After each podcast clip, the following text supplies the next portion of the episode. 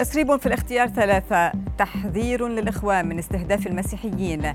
فرنسا تنتخب رئيسا ولبنان حزين على غرق قارب الهجرة.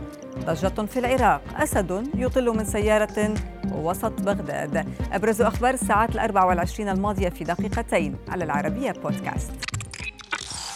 تسريب جديد بثه مسلسل الاختيار ثلاثة يكشف كواليس اجتماع عقده الرئيس المصري عبد الفتاح السيسي حين كان وزيرا للدفاع مع عدد من قيادات الإخوان والرئيس وقتها محمد مرسي.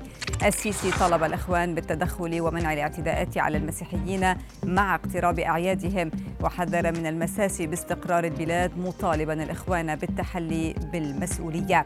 المسلسل الذي يتواصل عرضه على شاهد كشف تسريبات كثيرة عن مخططات للإخوان تخللتها أعمال عنف من أجل السيطرة على مفاصل الدولة. حرب كلامية بين مرشحي الرئاسة الفرنسية قبل الجولة الأخيرة من الانتخابات الرئاسية. الرئيس الحالي إيمانويل ماكرون اتهم تيار منافسته مارين لوبين بأنه يعيش على التعاسة وينشر العنف والانقسام والكراهية في المجتمع. أما لوبين وتيارها فقد وجهوا اتهامات لماكرون بأنه رئيس للأثرياء فقط ولا يبالي بالطبقات الفرنسية الفقيرة.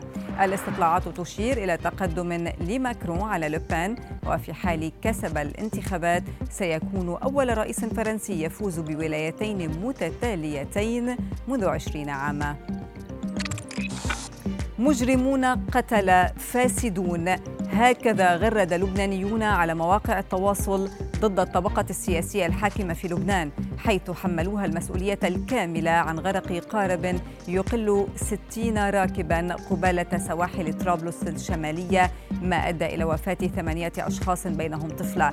كما هاجم العديد من المغردين السياسيين في لبنان منتقدين وصول لبنان إلى هذا الوضع فيما هناك سياسيون لبنانيون في الحكم لديهم ثروات هائلة وبعضهم وردت أسماؤهم في قائمة أغنى الأغنياء حول العالم بحسب مجلة فوربس. وتعتبر طرابلس ثاني كبرى مدن لبنان والأفقر على البحر المتوسط وفقا للأمم المتحدة.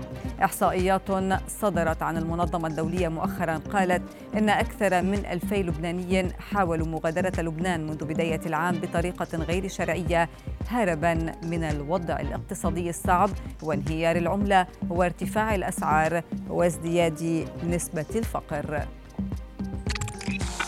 ضجت وسائل التواصل الاجتماعي بمقطع فيديو لأسد داخل سيارة مع صاحبه يتجول في شوارع العاصمة العراقية بغداد. وانتشر المقطع كالنار في الهشيم بين الحسابات العراقية وسط استغراب المتابعين الذين انقسموا بين مستغرب من الأمر ومنتقد لتصرف السائق الذي اتهم بأنه شخص مستهتر بأرواح الآخرين.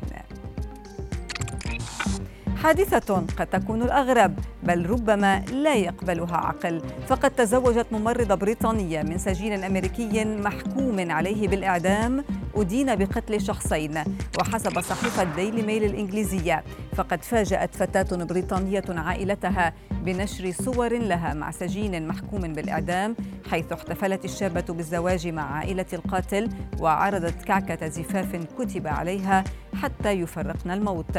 كما سمحت الشرطة الأمريكية للسجين بمغادرة سجنه للاحتفال بزواجه ثم أعادته للزنزانة.